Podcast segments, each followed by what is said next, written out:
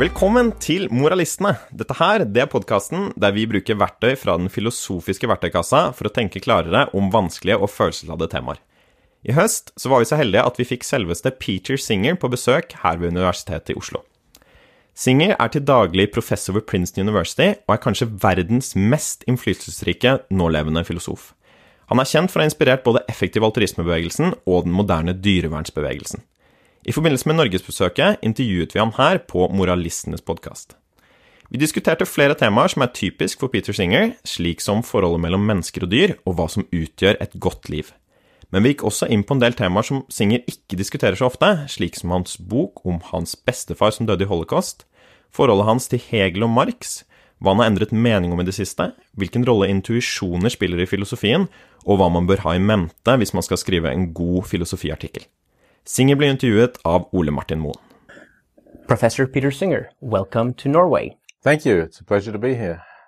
Um, you call yourself a utilitarian, and you have recently co-authored a book called Utilitarianism, A Very Short Introduction.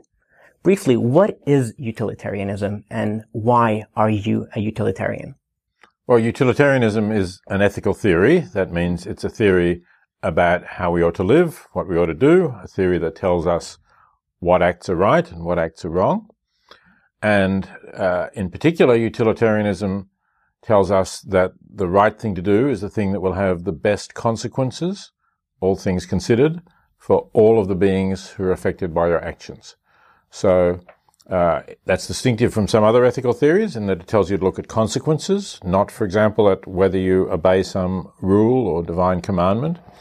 Um, and secondly, it uh, tells you that the consequences to look for are those that affect what we might call well-being. So, um, are you making those who are affected by your action better off or worse off? And of course, sometimes you'll make some better off and some worse off, and it tells you to go for the greatest possible surplus, positive balance of making beings better off. And it also tells you to do that for all beings who have interests, which I understand to mean conscious beings, beings who can feel pleasure or pain, and also timelessly, not just today, but as far as you can foresee in the future. So you have to take future consequences into account as far as you can calculate them, and then you look at what action will have the best consequences. Good. Uh, uh, that's a good good formulation of utilitarianism. Thank you. Um, over the last few years, there has been, even though you're a utilitarian, have been for you know throughout your career, there has been a shift in your view uh, about what constitutes welfare, and you mentioned now pleasure and pain. Earlier, you defended a view called preference utilitarianism, and you seem to have made a shift over to what's called hedonistic utilitarianism. Could you say a little about what is the difference between those two, and what motivated your shift towards being concerned specifically with pleasure and pain? You could say that I've gone back to the classical view that was held by the 19th century utilitarians like uh, Jeremy Bentham, John Stuart Mill, uh, and Henry Sidgwick. Um, they thought that uh, it's happiness or pleasure and the absence of pain that uh, is is the ultimate value, the intrinsic value. Um, for much of my career, uh, I wasn't prepared to say that. I didn't think that we could really lay down that there is an objective value like that, and I preferred the view which, in some respects, seems more open, um, more neutral, less paternalistic. That uh, whatever it is that um, people or uh, other sentient beings prefer, that's what's good for them. So you look at what it is that they want. Um, well, gradually over the years, I guess I'd, I'd, been conscious, of course, of objections to that view. Um, and some of them were troubling. For instance, one of them is when you say, uh, what is it that people want? You immediately have the question of, well, do they really know what it is that they're wanting and getting? Uh, so a famous example is, uh, I'm thirsty at the moment and therefore I want to drink what's in this glass. But let's say unknown to me, uh, you are a malicious person and you've decided the world would be better off without me and you've put a deadly poison into this glass. Mm-hmm. So now when I say I want to drink this, what's in this glass, um, it would clearly not be in my well-being for me to satisfy that preference. And you don't, and if you really cared about me, you wouldn't want to satisfy this preference. Um, so therefore, we have to say, well, it's what you would prefer if you were fully informed um, about things. Uh, and then that starts to become a little more complicated. The example I gave you is, is pretty straightforward, but uh, so in some cases where you inform people, you might um, change their preferences about something. Suppose, for example, that you have preferences because you're worried about going to hell after you die, roasting in hell forever. Um, and let's assume that there is no such place, that you won't be punished for anything you do after you die. Then should we say, well, your preference isn't really, let's say, I don't know, not to have sex when you're not married to somebody, um, because you only prefer that you only prefer not to have sex when you're not married to someone because you think you'll roast in hell forever if you do. So we could say, okay, so we should ignore that and, and we should try to arrange occasions for you to have sex because you'll enjoy it. Um, but if we in fact can't change your belief, is you know what is your preference? It starts to become more more difficult. So those are some of the objections that led me to be uncomfortable with it. But I suppose a, a crucial factor in uh, my actually abandoning it uh, was that I also shifted in my views about the nature of ethics. So I used to hold a view that uh, there are no objective truths in ethics. That uh, when we make ethical judgments, uh, I was following my professor at Oxford, R.M. Hare, when we make uh, judgments, we are prescribing what people should do. We're prescribing it under certain constraint. It has to be a prescription that we would follow universally in all relevantly similar circumstances and want others to follow. But still, um, it wasn't a claim that there is some truth. And, and this view seemed to fit nicely with the preference view because you put yourself in other people's situation and then you would want what they would want in those situations. But I, I got convinced by a, a, number of different philosophers arguing with me. Uh, Tom Nagel was one, but ultimately, probably the most important was Derek Parfit um, that in fact you can defend the idea that there are objective moral truths, and that, for example, and uh, it's an objective moral truth that agony is a bad thing. So, for to inflict agony on some, someone with no uh, underlying justification, for example, you know, a bit of agony now will mean a lot more people don't experience agony later on. Nothing like that. You're just inflicting agony for its own sake that that's wrong because agony is intrinsically bad. Uh, and you know, I won't go into the arguments why Parfit thinks that; they're quite complicated. But um, suffice it to say, I, I did get convinced that that was right.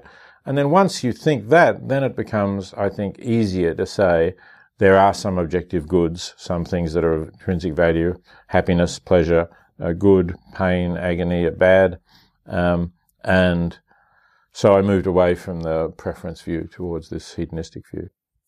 So it seems these theories will in practice give many of the same consequences.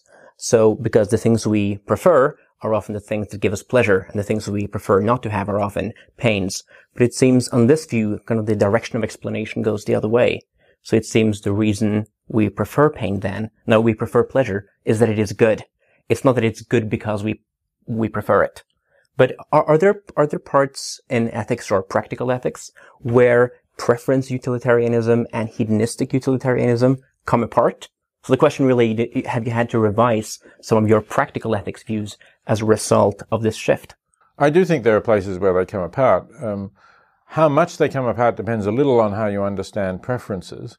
But the way I understood them, and also the way uh, R.M. Hare understood them, was that you don't actually have to know that your preference is satisfied for it to count as enhancing your well-being, that it is satisfied. So um, there may be examples where um, you prefer a certain state of affairs. Um, Parfit actually gives an example of this, which is a bit puzzling. It's, a sort of a problem for the preference view. But, but let's say in Parfit's example, you're on a train journey and uh, there's somebody who happens to be sitting next to you. You start uh, chatting to them. Um, you sort of feel some sympathy with the kind of person they are. Uh, and, and towards the end of the journey, the person tells you that she's actually traveling to have an operation for a serious illness. Um, and you form the preference then that the operation will be successful and that she'll completely recover from the illness. Um, but then she gets off the train. Uh, you didn't exchange contact details. Uh, you'll never see her again. Um, on the preference, on the pure preference view, it still is in your interests, it satisfies your preference if her operation is successful and she does recover from her illness, because that's what you preferred, even though you'll never know this. It'll never have any impact on your consciousness. Um, and of course, for the hedonistic utilitarian, that's not true. Um, it doesn't change your happiness, as you will never know. It changes her happiness, of course, and it's good for that, but, but it, it's not, it's not good for you. So there are some cases like that, um, those sorts of preferences we have, where they do come apart. Um, another perhaps more significant way in which they come apart is in views about why and when is is killing wrong, just taking killing in its for its own sake or killing in itself rather than um, other factors about it. So I defended the view in a lot of my work in practical ethics uh, when I was a preference utilitarian that uh, killing a being who is self-aware is more serious than killing a being who is not. And the reason for that is that if you're self-aware, as you and I are, and everybody watching this is, uh, you know that you're going to live over time. You know that uh, well, as long as things go well, you'll have a future, and you have preferences for that future. You you plan for that future. You you're thinking about your what you're going to do next summer. You're thinking about maybe um, you know getting married with somebody or having children. You're thinking about completing your studies and getting a job. Uh, and a lot of the things that you do now and next week and next month are all only make sense because you have these preferences for the future. So if you kill a being like that, then you're thwarting all of those preferences. If you kill a being who is not self-aware, and that could be some non-human animals who I think are not self-aware in that way, could also be uh, very young uh, humans or humans with very profound intellectual disabilities uh, who also don't think of themselves in that way. And I argued that um, that's therefore a less serious thing. Uh, it's it's harder to justify killing somebody who wants to go on living when they have that view of their existence over time. Um, I've sometimes used the term to say when they're a person, you, defining person as somebody who sees themselves as existing over time in that way.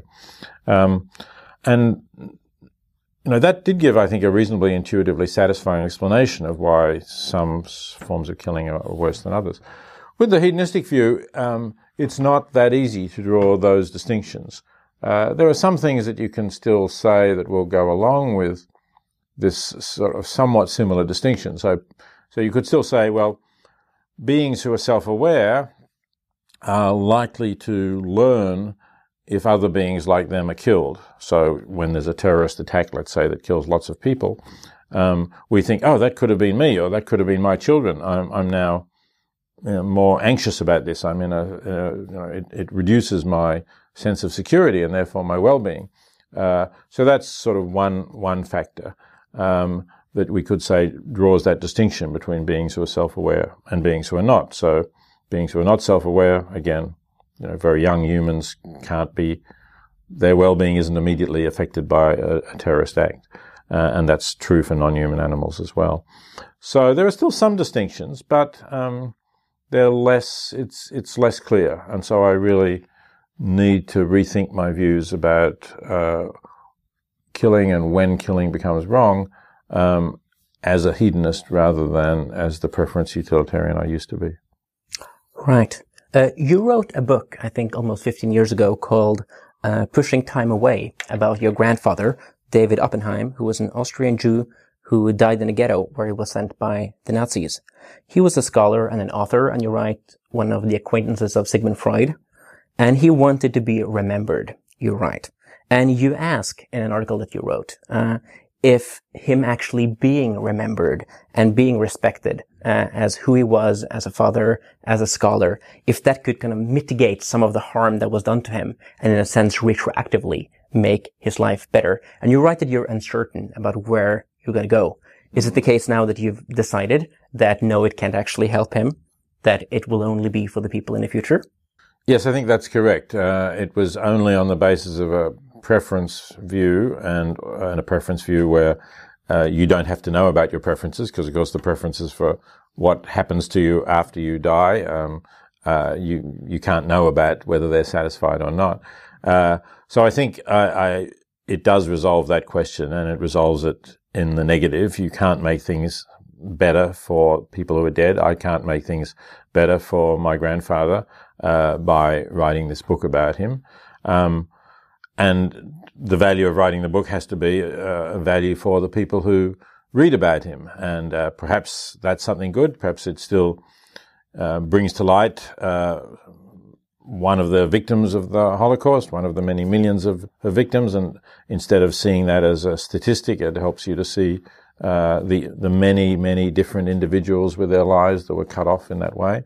So uh, it may do may do good in a variety of ways, but I guess you might say sadly, um, it can't do good anymore for my grandfather.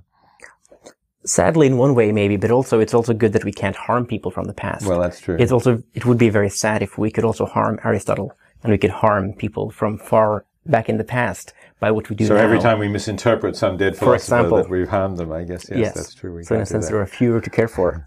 Uh, you're best known for your work in ethics, but you've also written, for example, introductions to both Hegel and Marx, which I think fewer people can intuitively know. Uh, and I'm curious about this. What other areas of philosophy is it that interest you and what kind of questions, if any, outside of ethics do you think are very important and perhaps unresolved? Hmm. Uh, yeah, let me just say the, the little book on Marx that you mentioned, um, just at the end of last month, I uh, finished a revision of that book. So uh, it'll be published next year um, in time for the 200th anniversary of Marx's birth, which is May 2018. So I'm hoping a few people will know a little bit more about the book again uh, after it comes out. Um, uh, so I, I, do think that questions of political philosophy are interesting and important. Um, I've mostly dealt with ethics, and and very often that's been um, ethics addressed to the question, what ought you to do? What's the right thing for you to do as an individual? Not so much the question, what is the right thing for us to do as a society, as a community? Um, but I do think they're very important questions, and I think they're interesting questions, and I do. You know, some of my writing goes over into that sort of public policy level. I suppose I haven't really written any foundational stuff on political philosophy, um, but uh, yes, I'm I'm definitely interested in it. Uh, other areas of philosophy, um, you know, I'm I'm I'm, i find various areas of philosophy intrinsically interesting, uh, but to me, that's not a not enough justification for me to put a lot of time and energy into them. Um, I think I decided quite early in my philosophical career that I wanted to work on areas of philosophy that can make a difference to to the world, to how people live, um, and uh, so I you know, put aside, you know, there are really interesting philosophical questions that as undergraduates we all get taught about and talk about. You know, how do I know there's a table here in front of me, that I'm not dreaming, that there's not a, a demon who's somehow got some hallucination going, or in more modern terms, that I'm, I'm not in the matrix, uh, something like that. Um, but those questions can't really make a practical difference, even if they're intellectually interesting. Uh, we can't you know, change our lives. It wouldn't make sense to change our lives. So those ones I'm not so interested in. Um, I suppose connected with some of my work about animals and some of my work about humans, I'm interested in uh, questions about consciousness. Uh, what is consciousness? Because as I've been saying, it's crucial for my view that a being is conscious or, or will be conscious, can be conscious for it to matter morally. Uh, I don't think it matters intrinsically uh, what we do to objects that can't be conscious, although it may matter instrumentally a great deal, of course. Um, and so then you have questions about, well, what is consciousness and how can we know whether another being is conscious? There's problems in philosophy of mind. Uh, and they particularly get interesting when you talk about uh, creatures where we really can't be certain. I very often get asked uh, when I talk about animals, where do you draw the line? Um, you know, should I not slap a mosquito because it might be conscious? Um, so, what would it take to convince us that a, an insect is conscious, or conversely, that it's not conscious? Uh, I think those are interesting and important questions. And you could ask them also about computers too. And it's uh, another interesting area that we're, we're getting, well, some people think we're getting closer to. Uh, if we build computers that um, could convince us, you know, we could certainly build computers that would pass the, the famous Turing test in that we couldn't tell whether we were having a discussion with a computer or with another human. But uh, I don't think that would show, if a computer passed the Turing test, that it is actually conscious. It would just show that it was a very had been very cleverly programmed to uh, simulate uh, a consciousness, or it might show that. Um, so, but I, I, I think it's conceivable that computers could be conscious. And again, how would we know that that was the case? Uh, so it seems that certain views in philosophy of mind, like functionalism, for example, is something that you would be inclined to reject. But when it comes to like essential problems like the, the hard problem, for example, as David Chalmers calls mm-hmm. it, do you have a kind of tentative view on kind of how the mind fits into the material world? Or is it a question you've bracketed? Yeah, I, I, I don't think I have a tentative view, or I don't have a tentative view that's worth expressing because, you know, so many other very good philosophers. Uh, David Chalmers obviously is one of them, and there, there, are other very good philosophers who strongly disagree with his view. Um, and they've put a lot of work and time into it, and uh, I haven't. So um, I'm saying, you know, maybe maybe I will come and think more about that um, at some point. Uh, would be a good thing to do, but there's always time pressures and other things to do. So um, at the moment, I'm leaving that to others to work on yeah, I guess being a utilitarian also places constraints on what to right, write about. Exactly. Yes. Yes. Is it really going to be? Am I going to be, make any significant difference to this area in which I'm a novice, um, rather than things that I can do in other areas that I'm have developed more expertise in? Yes, and and of course you've been very successful when it comes to having an impact on your philosophy. One is the you know the impact of animal liberation, but another thing that is perhaps even more Uh, uh, gets even more attention now is the effective altruism movement that you have helped launch or inspired. And it seems to me that as this movement is growing, and I'm wondering if you kind of share my impression of this, that there has been a shift in the movement. It started with a very significant focus on things like bed nets or curing simple infections. But it seems to have shifted somewhat away from that and over to more long-term perspectives.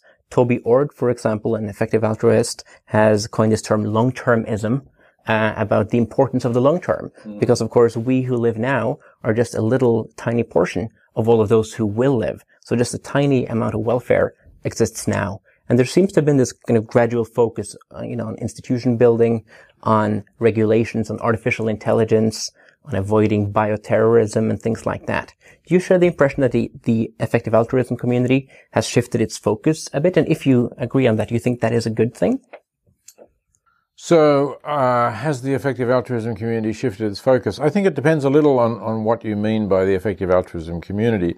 It's it's quite a broad community. It has uh, a lot of people involved at a rather limited level. So it has a lot of university-based organizations, for instance, where there are students who have an interest in it, um, are affected by it to some extent with their uh, involvement, um, affected by it perhaps to some extent in their choice of career. Um, also, if they start donating uh, to what organizations they donate to.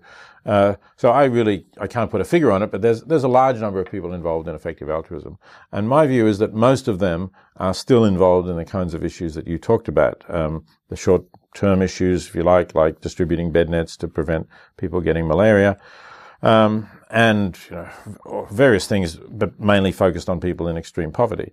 And of course, they're not only short-term; they may help people to escape poverty and help developing countries to develop and have various long-term uh, implications that we can't fully foresee. But if you're talking about the people who are really um, involved in effective altruism as their primary life activity, people who are involved in organizations like the Center for Effective Altruism, uh, uh, then probably I think you're right that um, more of them have shifted to these longer term views and longer term projects. Uh, and certainly there's a lot more talk about uh, what they call existential risk, the risk of our species becoming extinct, uh, and how to reduce that risk. Uh, and uh, people like you mentioned Toby Ord, but also Nick Bostrom, who's also a philosopher at Oxford, um, has argued that uh, for the, our species to become extinct would be a disaster on a scale that just absolutely dwarfs anything that we do now. Uh, because if we don't become extinct, if we sort of get through this current phase, then uh, eventually we may colonize other planets, and so it's much less likely we would ever become extinct, and then we might exist for a, a billion years um, or even longer, and you know, on, a, on a vast scale. So the potential for happiness and good lives is enormous compared to just the, the mere 7.6 billion lives that are existing on this planet now. Uh, and that makes sense in a way. Um, to me, part of the problem with it is it's much harder to know what is going to be positive in that long term view, uh, what things will contribute to a, a better long term future and, and what won't. Uh, so I, that's that's one concern. I mean, if if somebody gives me a really good argument that I have to accept for saying, here's something that is going to make things better, that is going to reduce the risks of human extinction, or is going to produce better lives for humans uh, for a very long time, then that would certainly be a good reason for giving that priority over the more immediate things. But in the absence of that, I think reducing immediate suffering is, is still a very important goal. Yes, it it seems that this is a very a very important question for utilitarians, how they uh, view, say, the value or the, the disvalue of, of human extinction. Because some some hedonists, like Epicurus, for example, would say that, of course, if if at some point all humans died, there would be no joy, but there would be no suffering either. There would be no one who missed to miss out on this. Mm-hmm. While so it seems he has kind of, or perhaps Epicurus and David Benatar as well, would hold the extreme on the one side, while Toby Ord seems to hold this very strong, what one might call the deprivationist account, where there is still someone who misses out on this. Do, do you side more towards one view than the other here? Yeah, let me just say, I think there's two, there's two different things going on here that might be worth separating. One is whether you are an optimist or a pessimist about human life as it is now. Right. So you mentioned David Benatar. So David Benatar believes, uh, as I if I understand him correctly, that um, life on the whole is bad already now. That is that um, even for for each of us, um, our lives have more negative things in them, more suffering than they do happiness. So if that's so, and if that's likely to continue to be so, and Benatar thinks it is, then um, it wouldn't be a good thing for our species to continue. Really, it would be best if we all stopped having children so that the species doesn't continue. Um, and that's true whether you're focused with on people who are existing already or people who will exist. So that's one question. And on that, I'm, I'm an optimist. It does seem to me that uh, life for most humans now, and for many non-humans, although it's a bit more debatable with uh, some non-human animals, perhaps. But um, uh, that life is, on the whole, positive rather than negative. There's more happiness or well-being than there is suffering. The other question is. Um, would it matter if no more beings were to come into existence? So, um, uh, there's nobody who misses out. This is the Epicurean point. Um, there's nobody who's, you know, waiting there in limbo, thinking, "Oh, damn! Now I'm never going to get born." Mm-hmm. Um, you know, that's obviously nonsense. So that's not what we ought to worry about. But um, should we worry about the fact that someone that there will not be more beings who will have rich, full, fulfilling, happy lives? And here I think yes, we should. And one brief argument as to why we should is think of the negative case. Think of a couple who are told by a genetic counselor that if they have a child, this child will suffer from a genetic disease that uh, will cause the child to suffer horribly for, let's say, a year and then die. And there's no cure, no treatment. Um, but suppose the woman says, "Oh, never mind. You know, I'd like to experience being pregnant, and I want to have my own child, and uh, I don't really care whether my child suffers or not. I just want to have the experience of, of, of that." Um, I think we would think that that was a, a really horrible thing to do, mm-hmm. to uh, inflict a year of suffering on a on a child when you don't have to get pregnant, don't have to have that child. So if that's a bad thing, you know, if we're saying now, even though the child doesn't exist now, we're saying you should not go ahead with this because if you do, there will be a, a future child who will be miserable and that will be bad. Then it's hard to see why we shouldn't also say, um, if you have good reason for thinking that your child is likely to be happy, let's say you're uh, a couple who live in an affluent, secure country, um, you're uh, by temperament, you you you uh, people who are happy with life, positive rather than depressed, and you know that you have uh, genes that will pass this on to your child. Uh, so your child is very likely to have a, a good, happy life. Um, if it's a bad thing to bring the miserable child in the world, I'm, I'm inclined to say it, it's a good thing to bring the happy child into the world. Again, other things being equal, right? Of course, maybe the world is overpopulated and it's going to be bad for other people to have more children. Um, but I'm assuming here we're talking about a situation in which uh, that isn't the case. We're just talking about it from the point of view of the, the future child. And then I guess it could also be a wrong not to have an extra child if that child could have a good life. Well, it could be a wrong, yes. Again, other things being equal, all right? I mean, if you really don't want to have this child, that clearly counts in the part of the equation. Mm-hmm. Um, and, um, you know, maybe, maybe the effects on others may count. But, but yes, if, if you were on, on this view, if uh, you and your partner were sort of oh, shall we have children? Shall we not have children? Just from our point of view, you know, yes, there'd be some pleasure in having your children, but we uh, we wouldn't be able to work as hard in our careers. We wouldn't be as successful. We wouldn't be able to take the adventure holidays that we do for a few years. So you know, I'm pretty much indifferent. But then you say, and what about the child?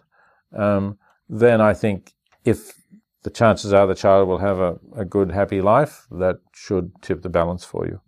So in a sense, we could also regret happy people that weren't born. I think we could. Yeah, I mean, probably not now with the world and, and its environmental problems, but mm-hmm. but you could certainly imagine um, that uh, in a less populated world, you would regret that there weren't more happy people to enjoy the lives that they were having. And of course, there's a kind of a famous thought experiment or example in philosophy where one considers, you know, happy people in the future. So there's the question of what would be the best future if you have 1 million people who are very happy, or if you have 10 billion people who are not so happy. So let's say the one, the, the one, uh, uh, million people, let's say a million, are at 100 out of 100 on the happiness scale. So there is 100 million happiness points. Well, in the other world, there's 100 billion people, but they're just on one happiness level each. So there's more happiness units, more hedons, if you want, in the other world. And this then is known as the repugnant conclusion. There's some repugnance, one thinks, in preferring the large population of people who are just barely above the zero point. Right. If there's something wrong in preferring that world. But would you prefer the world with many people who were just above the zero point over the smaller population that is very, very happy? Yeah, this is a, a, a really baffling uh, puzzle. Uh, I first uh, encountered it when I was a graduate student at Oxford in uh, uh, either 1969 or 1970, something like that. So a very long time ago. Um, I've tried writing about it. I've read a lot of stuff. Uh, I got it from from Derek Parfit, who was yes. then teaching a, a class on that, and he tried throughout his life to find answers to it. Um, sadly, he died in January of this year without really having solved it. Uh, other people have worked on it. Um, there are problems whichever way you go in this, right? So, so yes, you know, most people think the idea of this world with 100 billion people at just this life level that's barely worth living, that it, it's, there's something repugnant about thinking that's a better world than the world with 100 million at a very, very good level. But um, as compared with the problems you get into if you deny that, I'm probably inclined to say, you know, at least this total view, as it's called, which says just add up the total and go for the biggest total, uh, at least that's uh, consistent, coherent. We can apply it. Um, it doesn't give rise to the same real difficulties and incoherences that the other seemingly, at first, seemingly plausible views get into. So it seems that your way of handling the repugnant conclusion would be to admit that it might be or seem counterintuitive, but that, but to say that that doesn't count that much against it, because yes. we have other reasons yes. to uh, to to favor utilitarianism in spite of this. Now, is this because you reject intuitions as such, as what we should use in ethics, or is the reason for this uh, uh, that you believe that some intuitions are trustworthy while others are not? Well, um, I reject. Um, I, am more inclined to reject intuitions about particular cases, mm-hmm. and uh, I'm especially inclined to reject intuitions about particular cases um, where these are fantastic examples that we are never really likely to encounter. So, the case that you just mentioned about where we can choose between these two worlds, um, we, you know, our intuitions have no real grip on that in terms of thinking about the real world, because of course there are no such choices. And so, although the going for the larger total may seem repugnant to us, I don't know that we can rely on that uh, intuition very much. Um, just as, you know, to use another example that uh, I discuss in the Utilitarianism, a very short introduction, uh, when Dostoevsky and the brothers Karamazov um, asks, or um, uh, po- uh, Ivan poses the question, um, so would you essentially bring about peace on earth forever, but you have to torture this one child now to do it? Um, and most people think, oh, I could never torture a small child. What a, horrible thing to do. Of course, that would be wrong. Uh, but Dostoevsky doesn't explain uh, how torturing a small child is going to bring about peace on earth forever. Uh, and uh, we don't have, you know, any intuitions in situations where it would. So uh, I'm inclined to say the intuition that it's wrong to torture the child, even in these quite, you know, hypothetical circumstances, are, are not a reliable guide to whether utilitarianism is right or not. Now, I do think there are some intuitions which are a little different. They're the ones where we try to carefully reflect on, on what is of intrinsic value. So, for example, I earlier talked about the view that I now hold that I think it's clear that for someone to be in agony is intrinsically bad, and conversely, for someone to experience pleasure is intrinsically good. Uh, intrinsically, right? It may not be on balance when you take other f- effects, but but in itself, it's good for pleasure, bad for agony. So those are the judgments that I think we we have direct knowledge of what agony and what pleasure is like, and therefore you could say this is an intuition. This is a sort of a self-evident belief. We experience this. Um, how can it not be a bad thing or a good thing? Uh, so I, I, don't want to say that there are no intuitions that we can rely on. I think that would make it very difficult to do ethics at all. But I do think that many of the intuitions that uh, we have and that get tested in some of these examples are not reliable. Yeah, it, it seems in the case of pleasure and pain, we have this, this immediate feeling of the goodness of pleasure and the badness of pain.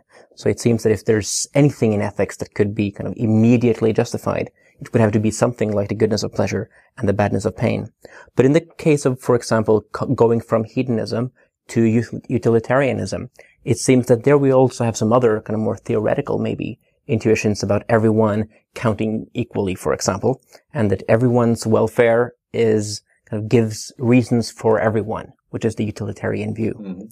And it's, if this is a truth, it is presumably a truth that exists somewhere. Uh, you have suggested, I think, a parallel to mathematics, probably, uh, in, in one of your works.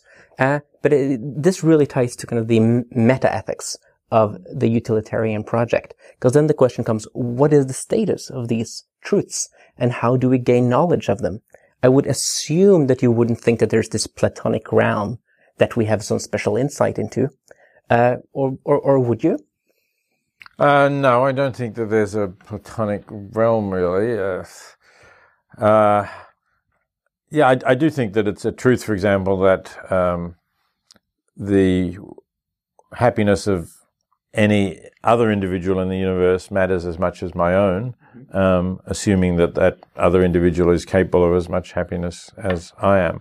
Uh, that's something that uh, Henry Sidgwick talked about. Uh, he said it was referred to it as taking the point of view of the universe um, and sort of detaching yourself from your own situation and looking at that way. I, I, I do think that that's a, a, truth that we can appreciate and understand directly. Um, but uh, how one actually presents that to somebody who doesn't um, see it uh, is difficult. And uh, in what sense it's a part of the world is is also mysterious. But I, I do make the parallel with mathematics, as you suggested, and I, I, don't think we have to say that there's a Platonic realm of numbers or of theorems or mathematical truths. Uh, I see them as as truths of reason. I see both the truths of mathematics and uh, the truths of ethics uh, as as truths of reason. Um, and in that's, you know, that they exist in the sense that um, anywhere in the universe where beings have evolved to be rational, um, they would be capable of understanding those truths, both the mathematical ones and the ethical ones. So um, that's not to say that they exist somewhere, but it's just to say uh, reasoning can lead you to see these things. So, do they exist? Um, that depends on what you mean by existing. Right. Uh, I'm also interested here then is, you know, if there was a being who had never experienced pleasure or pain, would ethics be completely unintelligible to that being? Or, or would they have some access to it? Or is the pleasure, you know, that I can feel that my pleasure is good and that my pain is bad, is that my access to values? Well, um, you said a being who's never experienced pleasure or pain. Um, do they have experiences that they regard as in some way positive or negative or not? Because the, the, idea would be that they can see things and they can reason about things, but there's no such thing as hedonic valence. Right. So nothing feels good or bad. Right. And do they have any preferences? Presumably they don't. Right. Okay. Then so, I think there is no value for them in the world. They right. don't have access to value. Right.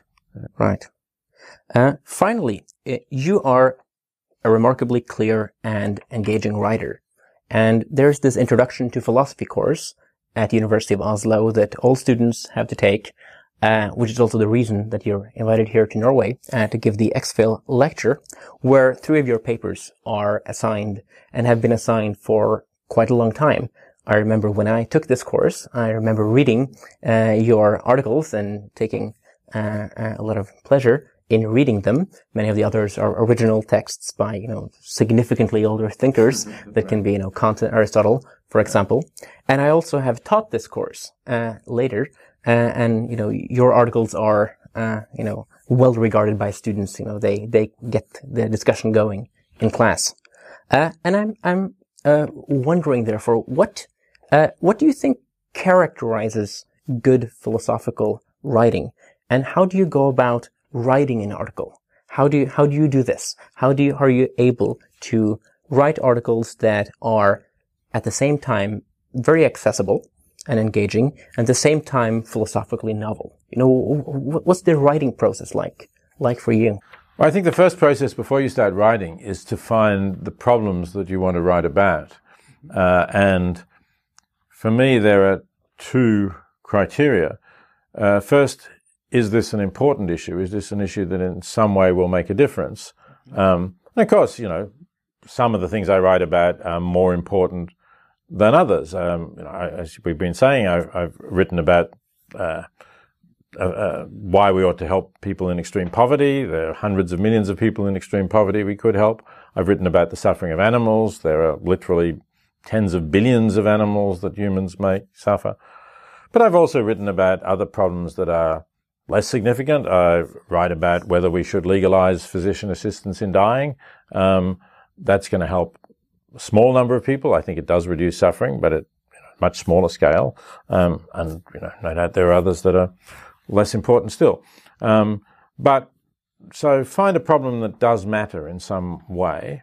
And secondly, it has to, if you're writing as a philosopher, it has to have some uh, philosophical depths to it. So if it were just a factual problem, if it were just a matter of, say, let's work out what the consequences of this will be, and then we'll all agree, and we, we only differ because we disagree about the consequences uh, of of what's going to happen or, or not, um, then that's not really an issue for philosophers. Uh, but uh, if you have issues that are both important and that raise interesting philosophical questions uh, where underlying ethical views are relevant, uh, that's that's a very good start, I think. And then the next thing that I like to do, if if possible, is to show that they may be relevant to the reader. Uh, and again, questions about what we eat are obviously going to be relevant to the reader. Questions about what should I spend my money on are relevant to the reader. Uh, some other questions, questions like, is it okay to have an abortion, uh, may be relevant to some readers at some times, but not quite to the, you know, not to everybody all the time, of course. Um, and some questions may be less relevant still. But so I, I like to, other things being equal, I'll choose the ones that are more relevant to the reader because I think then the reader gets gripped by this and starts to think about it. And then uh, you mentioned that I'm a clear writer, and that does take work. I think uh, you need to really think about the way you're writing, uh, particularly if you're an academic and a lot of your, uh, you know, a lot of what you do is read work that other academics, other academic philosophers have produced.